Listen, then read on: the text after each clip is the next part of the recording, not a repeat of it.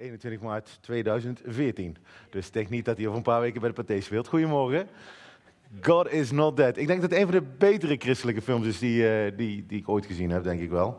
En met een hele duidelijke boodschap over een herkenbare, uh, wel gespeelde natuurlijk, situatie. Want om eigenlijk heel eerlijk te zijn, hoe, hoe raar vinden mensen het niet dat wij hier nu op zondagochtend door code geel heen bij elkaar komen in 2020, omdat we op zoek zijn naar God of in Hem geloven. Als mensen morgen op je werk vragen hoe je weekend was, kijken ze dan niet vreemd op als je dan enthousiast vertelt over ik was gisterochtend in de kerk om tien uur s ochtends, terwijl zij in bed lagen? Dat je bij de brug bent geweest? Mijn collega's die zijn inmiddels best wel wat gewend de afgelopen jaren. Maar ik denk nog steeds niet dat ze het snappen. Snappen is iets anders. Hoe kan iemand die natuurkunde gestudeerd heeft, hoe kan iemand die bij ASML de technologie eh, een stapje verder probeert te brengen, geloven in een God? We hebben ieder jaar bij ASML hebben we een, eh, een, een coming-out day. En ehm, op die dag mogen mensen die zich, eh, die zich niet hetero voelen, denk ik, mogen uit een grote kast komen. Er staat een hele grote kast staat er in, in, in onze kantine. En dan mag je uitkomen. Een big event. En ik sprak laatst met een van de organisa organisatoren, hoe noem je dat? Organisatoren van het initiatief. En ik vroeg haar, ik zei, hoe zou het zijn als we bij ASML nu een kast neer zouden zetten waar je als christenen uit kan komen? Dat je uit die kast komt en zegt, ik geloof in God. Hoe zou dat zijn? Zou dat geaccepteerd worden? Zou, de, zou dat meer geaccepteerd worden of minder geaccepteerd worden dan dat je als, als niet-hetero uit die kast stapt? En ze wist het niet. En dat was eigenlijk al genoeg antwoord. Um, en ze vond het zo interessant. Ze zei volgend jaar, of voor mij is het in maart of het is in oktober, ik weet niet wanneer het precies is. Doe jij toch ook mee, Maarten? Ik zeg, nou, dat denk ik even niet. Maar het was, was een interessante discussie die we hadden over wat, ja, is het wel geaccepteerd om in een, in een, in een club wetenschappers uit de kast te komen door te zeggen dat je in een God gelooft. Iets bovennatuurlijks, iets niet wetenschappelijk bewijsbaars. En soms is het dus moeilijk om met mensen die om je heen staan te delen wat je ten diepste gelooft.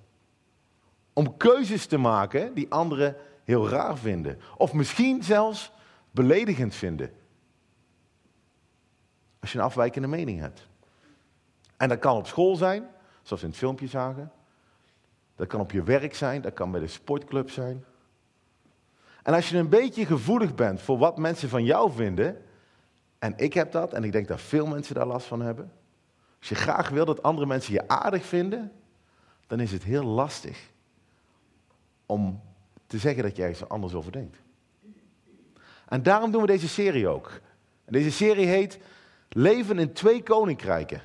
Waarin we kijken hoe lastig het is om, soms kan zijn, om God te volgen, om deel uit te maken van zijn koninkrijk, maar tegelijkertijd te leven in het koninkrijk der Nederlanden in Eindhoven.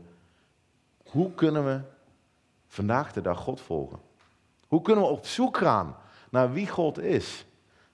Hoe kunnen we God ervaren als de mensen om ons heen ons misschien wel voor gek verklaren of het niet snappen? En dat geldt zeker, en daar gaan we het vandaag over, op de moeilijke momenten in ons leven. Waarop iedereen om je heen, of misschien niet iedereen, maar veel mensen om je heen zullen zeggen: Zie je wel? Zie je wel, waar is die God van jou nou? En misschien stel je jezelf die vraag af en toe wel eens. Als er iets gebeurt in je leven, waar is God?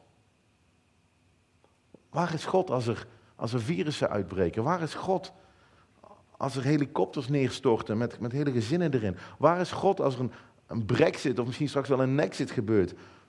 Waar is God als we, net als een filmpje, een slechte diagnose krijgen? Als ziekte, als pijn, als verdriet ons treft. Als ons konijn op sterven ligt. Waar is God op die momenten? En daarom wil ik vandaag een stukje, een bemoedigend stukje lezen. Een tekst, hè, Teunis zei het al, 2500 jaar uit, 2600 jaar geleden al. Maar zo relevant voor vandaag, voor ons. Waar een aantal mannen een keuze moeten maken tegen de cultuur in.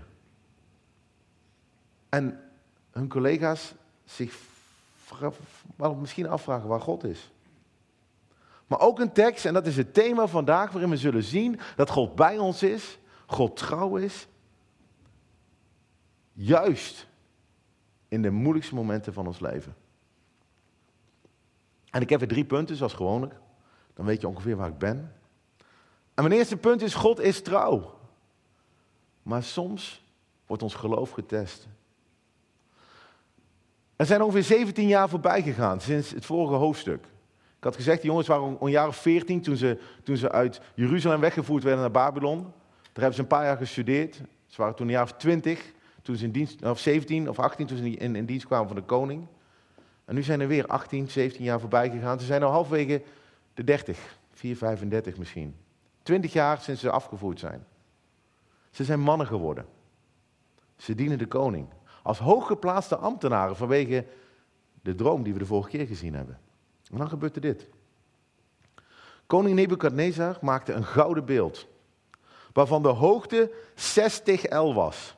En de breedte 6 L. En hij richtte het op in het dal Dura in het gewest Babel. Op internet kan je nog zien dat de, het voetstuk van het beeld nog steeds waarschijnlijk gevonden is. En daar nog steeds staat. We hebben de vorige keer gezien dat die koning een droom had gehad van een enorm beeld. En hij was het gouden hoofd van dat beeld. En blijkbaar is deze droom een beetje bijgebleven, misschien zelfs in zijn bol geslagen. Dus heeft hij gedacht, weet je wat, ik bouw een 30 meter hoog beeld van mezelf. Dat vindt iedereen mooi. Van goud, dat blinkt zo mooi. Nou denk je, dat is een rare koning. Maar als je even googelt, ik heb wat plaatjes gevonden. 2020.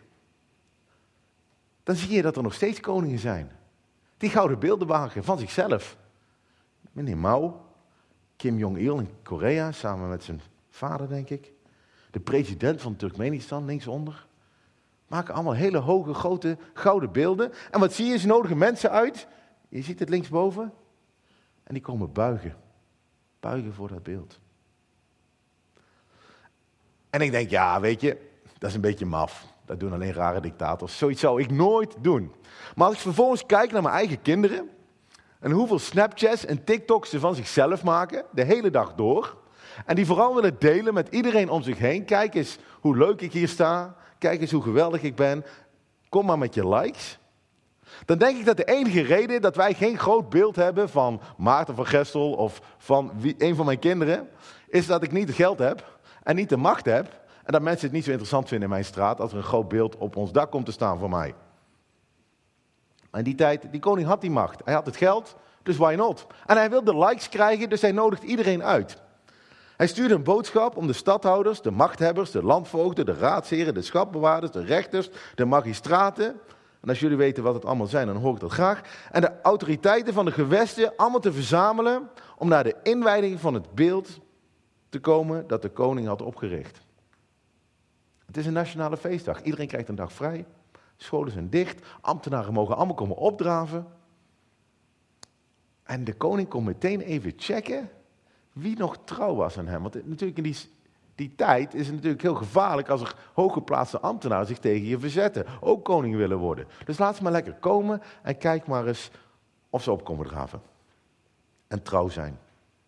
Dus toen kwamen ze, de stadhouders, de machthebbers, de landvoogden, de raadsheren, de schappenwaarders, de rechters, de magistraten en al de autoriteiten van de gewesten kwamen bijeen voor de inwijding van het beeld dat koning Nebukadnezar had laten oprichten. En ze stonden voor het beeld dat de koning had opgericht. Dan moet je je nou eens voorstellen, het is een plein, een groot beeld, duizenden mensen, sommigen zeggen tienduizenden, ik heb zelfs al honderdduizenden gehoord, ik, ik weet het niet. Veel mensen, heel veel. En die staan om zo'n enorm beeld heen. Het goud glimt in de zon, het is wel lekker warm, hè, Midden-Oosten. En iedereen moet zien hoe geweldig die koning is. En de vrienden van Daniel, die ook hooggeplaatste posities hebben, die zijn erbij. Die zijn ook uitgenodigd. Daniel niet. En er zijn heel veel theorieën waarom niet. Misschien was hij ziek die dag. Het is een goede dag om even de baas te bellen dat je ziek bent, denk ik. Als je niet wil buigen voor zo'n beeld. Maar misschien is hij gewoon op staatsbezoek ergens anders, in Ethiopië, weet ik waar. We weten het niet. Maar de drie vrienden van Daniel, Sadrach, Mesach en Abednego, staan daar tussen al die mensen zonder hun leider, Daniel.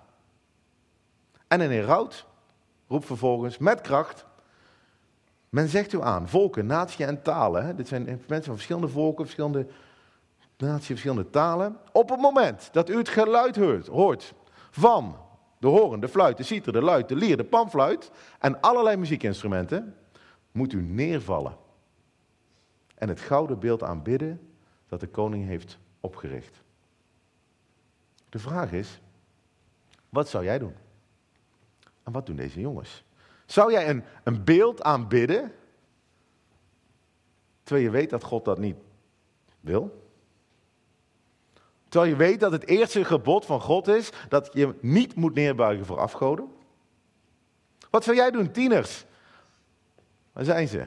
Als je ouders niet in de buurt zijn en je bent in een vreemd land en niemand komt er ooit achter of je wel of niet hebt neergebogen.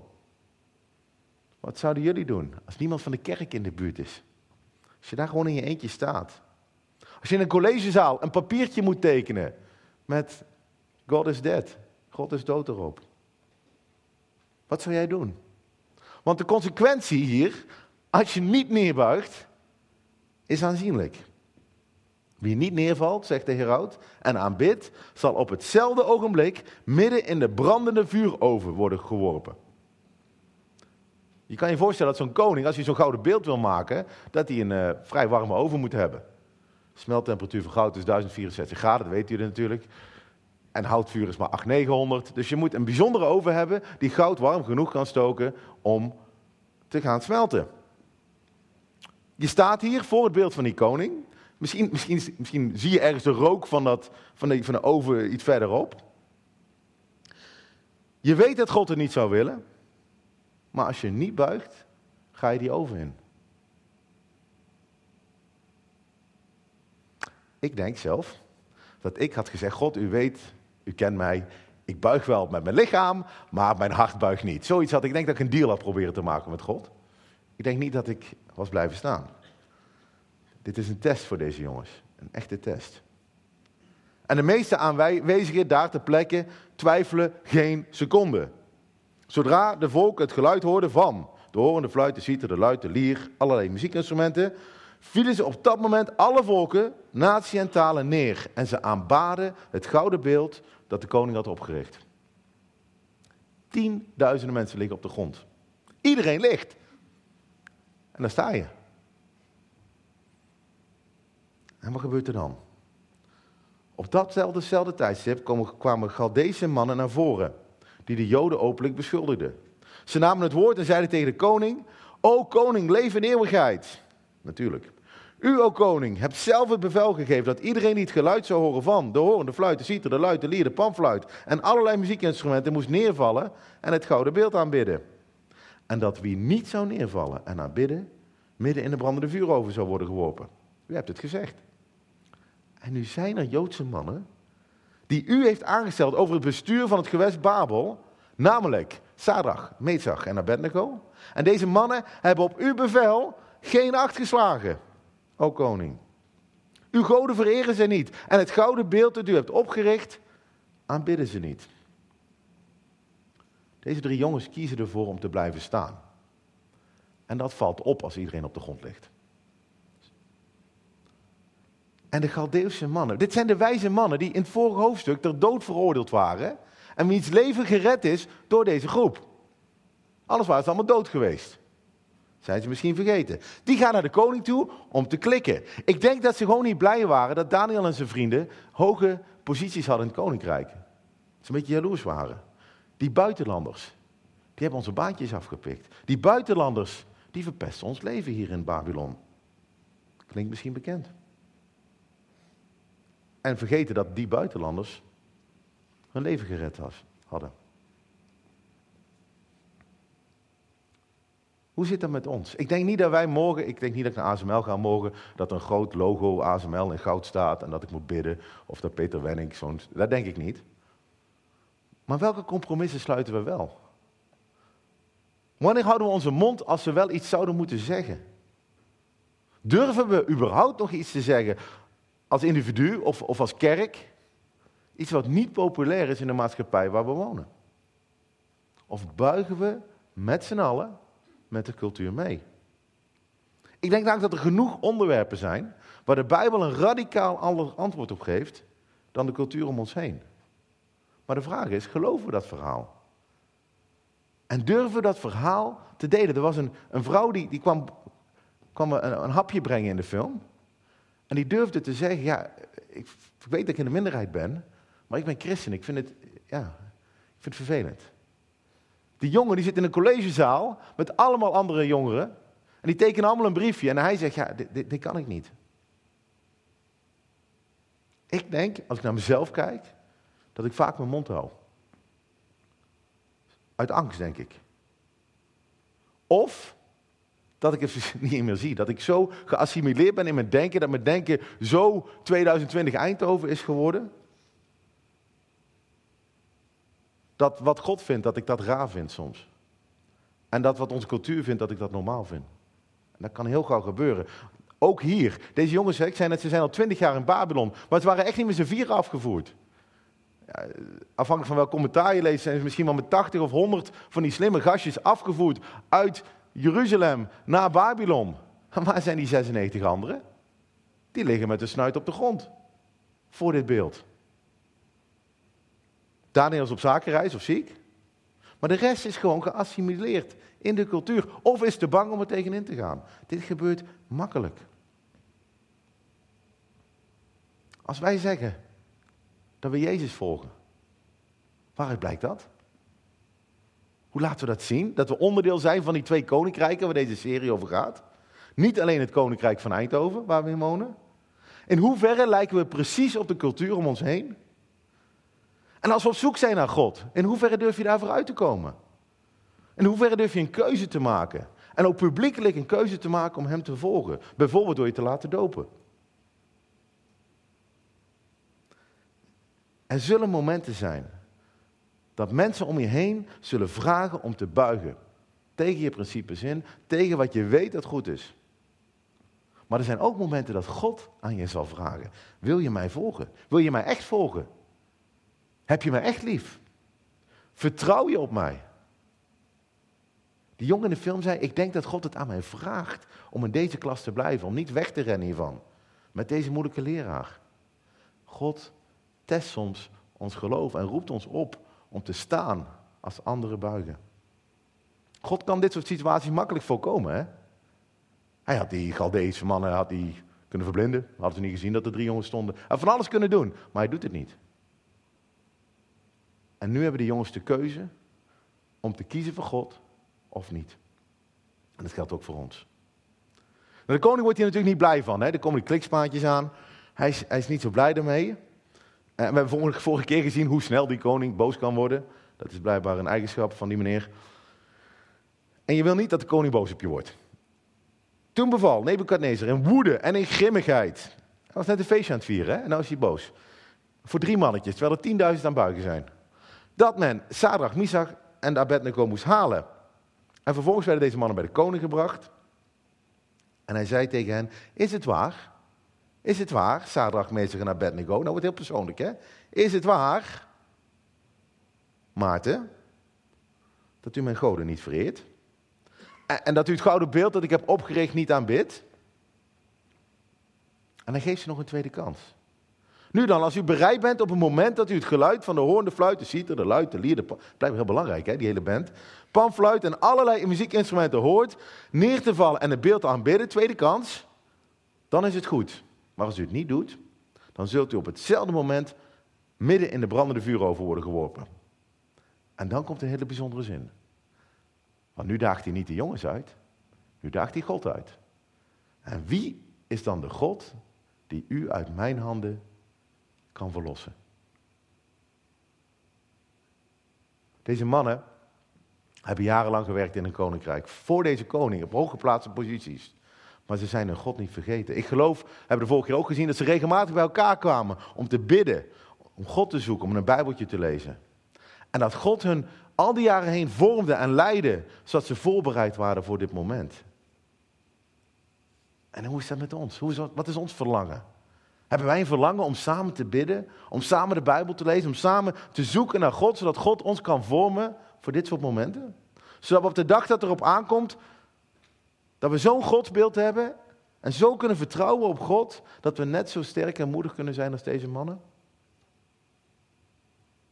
God zal ons geloof testen. Maar mijn tweede punt, hij zal ook moeilijkheden toelaten in ons leven. En de vraag is dan, hoe gaan we met die moeilijkheden om? Wat gaan deze mannen doen? Sadrach, Mesach, Abednego antwoorden. En zeiden tegen de koning, we hoeven hierop geen antwoord te geven. Dat is een brutaal antwoord zeg. Als het moet, kan onze God, die wij vereren, ons verlossen uit de brandende vuuroven.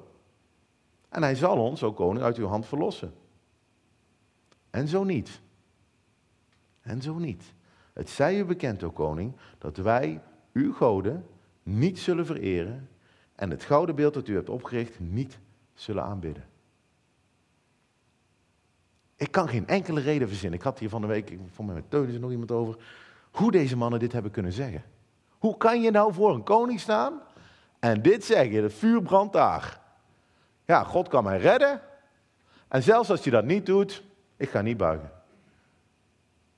Bijzonder. Ik denk dat ze een, bovennatuurlijke kracht van God hebben gekregen op dit moment. En God geeft ze die kracht op het moment dat ze dit nodig hebben. Niet eerder. Dus we kunnen over filosoferen hoe wij zouden doen. Waarschijnlijk kunnen wij dit niet. Maar op zo'n moment, als God je kracht geeft, kan je het wel. En ze zeggen hier, wij dienen niet u, o koning. Wij dienen God. En we geloven dat onze God meer te zeggen heeft dan u. Uw koninkrijk gaat ooit eindigen. Net als het koninkrijk trouwens waar wij in wonen, in, Nederland, in Europa. Maar Gods koninkrijk zal voor eeuwig zijn. En ze zeggen, onze gehoorzaamheid is aan onze God en aan Gods koninkrijk en niet aan u. We vertrouwen dat God trouw zal zijn. En daar wagen we ons leven aan. Hij zal ons nu redden. Of hij redt ons door de dood heen. Maar hij zal ons redden. Paulus zei zoiets, hè? Als ik leef, dan is het voor Jezus. En als ik dood ga, is het ook winst. Kan, ja, wat moet je daarmee als, als koning, met zo iemand? Wat een vertrouwen. Ik kan er nog zo in groeien, om, om te leren te vertrouwen op Gods trouw. Dat Hij een plan heeft met de dingen die ik om me heen zie, die ik niet meemaak, die ik niet snap. Ik wil graag dingen snappen. En dat Hij me de kracht geeft en een plan met mij heeft om, om, om zijn licht te schijnen om me heen in Eindhoven. En zodat ik vanuit dat vertrouwen misschien wel vaker mijn mond open doe. Als ik dingen zie die niet kloppen. Geloven is echt ook vertrouwen op God en hem geloven wat hij zegt en wat hij heeft gezegd. Niet hem begrijpen. Dat gaat niet lukken. Deze mannen snappen echt niet waar God mee bezig is. Maar ze plaatsen wel al hun vertrouwen op hem. En ze leggen zich neer bij zijn wil. Of sterven, of leven, zolang we God maar volgen. Ja, dan moet je natuurlijk niet tegen een koning zeggen. Hij werd met grimmigheid vervuld. Nog bozer. En zijn gelaatsuitdrukking tegenover Sadrach, en Abednego veranderde. Hij had ze net een tweede kans gegeven. Die pakken ze niet eens op. Hij nam het woord. Hij zei dat men de oven zevenmaal beter moest stoken. Nou hadden ze geen thermometer daar. Hè. Zevenmaal betekent gewoon flink warmer nog dan dat hij al was. En hij was al duizend graden, want hij moest uh, geld smelten. Enkele mannen, de sterkste mannen uit zijn leger, de sterkste mannen, beval hij dat ze Sadagmeester en Abednego moesten binden. Ze worden vastgebonden om hen in de brandende vuur over te werpen. En ze werden gebonden in een mantel, zijn broeken, een mutsen en een andere kleren. En ze wierpen ze midden in de brandende vuur over. Wat zouden ze gedacht hebben? Waar is God? Waarom grijpt hij niet in? God zal ons toch redden? Waarom belooft God dat hij bij ons zal zijn en nu worden we gebonden en afgevuurd naar een zekere dood? En er gebeurt nog iets. Omdat het woord van de koning zo dwingend was en de oven zo uitzonderlijk heet gestookt was, werden, hebben de vlammen van de vuur, van het vuur, deze mannen, die zaligmeester naar Abednego naar boven gebracht, gedood. De militairen, de sterke mannen uit het leger, worden gedood door de hitte. Terwijl ze de jongens in de oven aan het gooien zijn. God test en beproeft ons geloof. Hij laat moeilijkheden en lijden toe. Maar er is één belofte hier. Hij zal ons nooit alleen laten. En hij gaat met ons door het vuur. Hij leidt met ons mee. Lees maar verder. Toen deze drie mannen, Sadok, naar Abednego, gebonden midden in de brandende vuur overgevallen waren, sloeg koning Nebuchadnezzar de schrik om het hart. Haastig stond hij op, nam het woord en zei tegen de raadslieden: Hebben we niet drie mannen gebonden, midden in het vuur geworpen? En ze zeiden tegen de koning: Jazeker, o koning. En de koning zei: Ik zie vier mannen, midden in het vuur, vrij rondlopen. Ze hebben geen letsel. En de aanblik van de vierde lijkt op die van een zoon van de goden. De schrik slaat om zijn hart. Hij heeft net God uitgedaagd. En hij verliest. God laat zien dat hij God is. Niet Nebuchadnezzar met zijn grote beeld en zijn grote rijk. En weet je wat me ook opvalt in deze tekst? Weet je wat er door het vuur verteerd wordt? De militairen van het koninkrijk. En de touwen waarmee ze gebonden zijn. Zodat ze vrij kunnen rondlopen. Maar de mannen die onderdeel zijn van het koninkrijk, hebben geen letsel. Alles dat eeuwig is, doorstaat deze proef. En alle tijdelijke wordt weggevreten door het vuur. Nou, wie is deze vierde man? Dat is natuurlijk de vraag. Hij lijkt op de zoon van de goden, staat hier. En ik denk dat het enkelvoud had moeten zijn. Hij lijkt op de zoon van God. Dit is Jezus.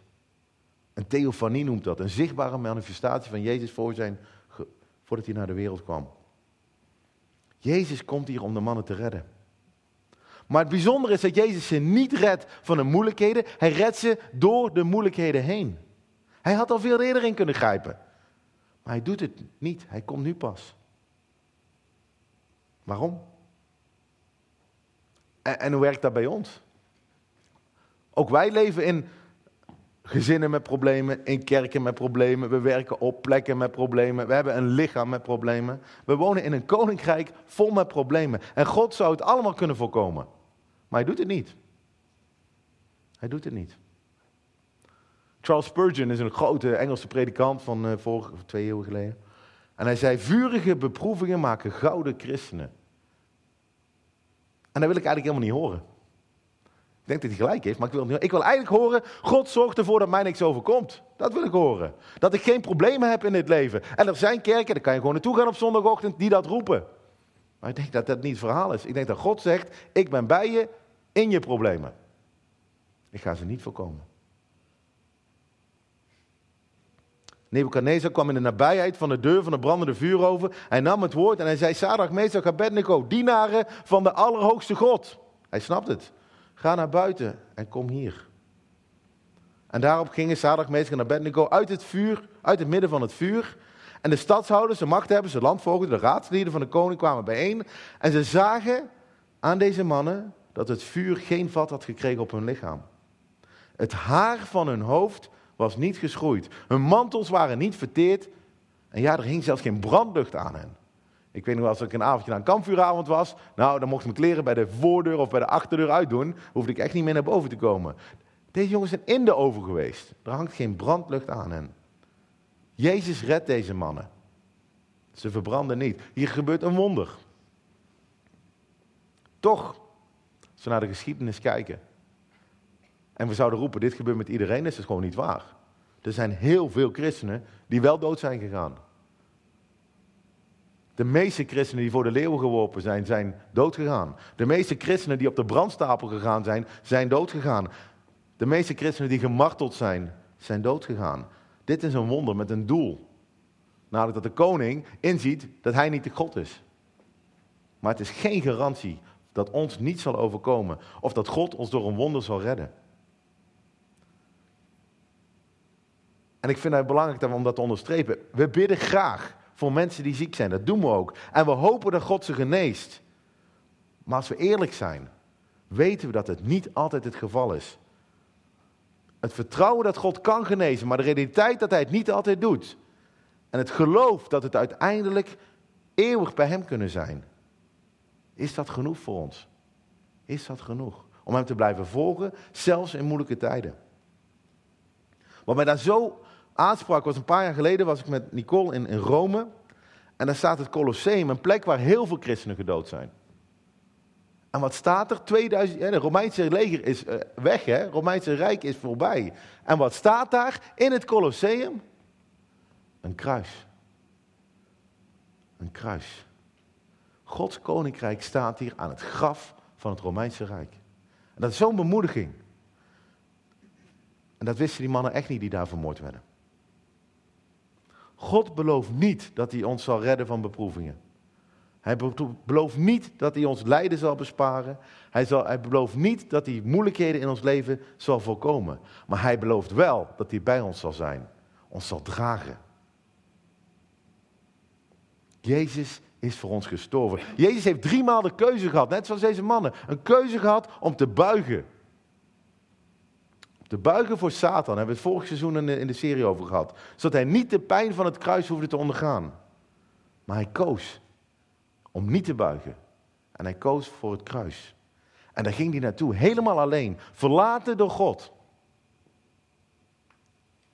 Zo erg dat hij aan het kruis uitriep: Vader, waarom hebt u mij verlaten?